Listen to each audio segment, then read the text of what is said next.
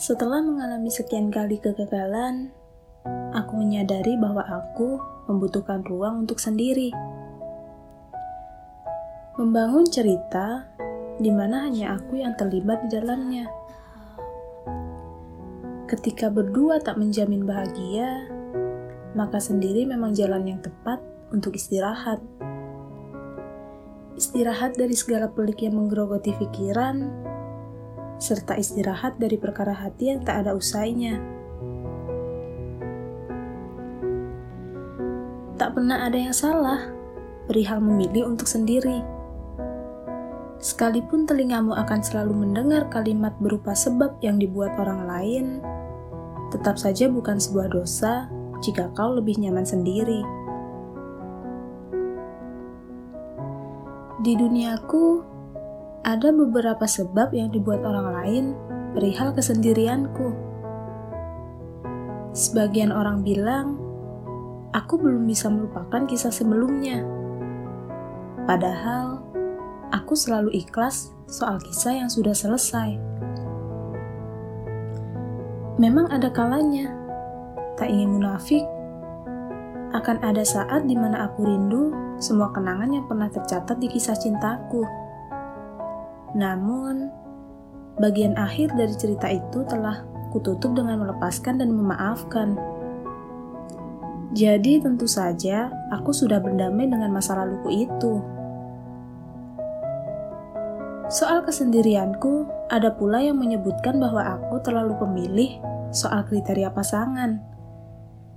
Padahal, jangankan aku, semua orang pun akan menjadi pemilih jika hal itu menyangkut harapan dan kebahagiaan dirinya. Dan selain itu, ada juga yang mengatakan bahwa mungkin beberapa orang menyukaiku. Akan tetapi, mereka tidak menemukan sesuatu yang mereka dalam tanda kutip butuhkan dalam diriku, sehingga kebanyakan memilih untuk menjauh. Dan Aku selalu bersyukur jika aku dijauhi karena alasan kebutuhan itu. Nggak salah kok jika aku atau kalian yang di luar sana lebih suka bepergian sendirian. Memilih menonton film sendirian, makan ke restoran sendirian, atau bahkan pergi ke konser musik sendirian. Bukan soal punya pasangan atau enggak, tetapi memang ada beberapa orang yang lebih nyaman jika ia memiliki ruang sendiri, di mana ia tak harus memikirkan pilihan lain selain yang disukainya, tak harus memaksakan diri untuk mengikuti pilihan yang tak diinginkan olehnya, serta tak perlu membuat-buat percakapan agar tidak merasa bosan. Begitu pula aku Aku selalu punya hak untuk memutuskan sendiri segala hal yang kuinginkan, dan aku punya ruang yang luas untuk bergerak leluasa, tanpa dibatasi oleh rasa kepemilikan yang menciptakan hak untuk mengekang. Ya, sesederhana itu.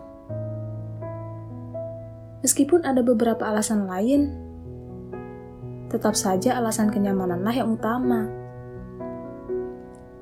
Bagiku, memilih sendiri juga berarti sebuah proses menemukan jati diri.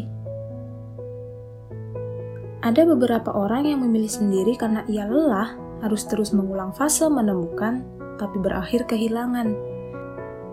Dan ada juga yang sekedar tidak ingin melukai pasangan. Karena selama menjalin hubungan, ia menyadari bahwa ia selalu berperan menjadi orang lain agar disukai dan merasa terbebani untuk membahagiakan pasangannya, padahal ada bahagianya sendiri yang patut ia upayakan. Dengan kesendirian, akan ada banyak waktu untuk membuatku sadar seperti apa diriku di kisah sebelumnya, dan ada banyak waktu untuk memikirkan harus bagaimana aku jika mengalami hal yang sama untuk ke depannya. Setidaknya dengan kesendirian, aku bisa memantaskan diriku sendiri terlebih dahulu, sehingga kisah yang akan terjadi selanjutnya akan terisi dengan orang dan cerita yang lebih berkualitas dari sebelumnya. Sendiri selalu kesepian? Tentu tidak. Karena saat sendiri, kita memiliki pilihan untuk tidak merasa kesepian.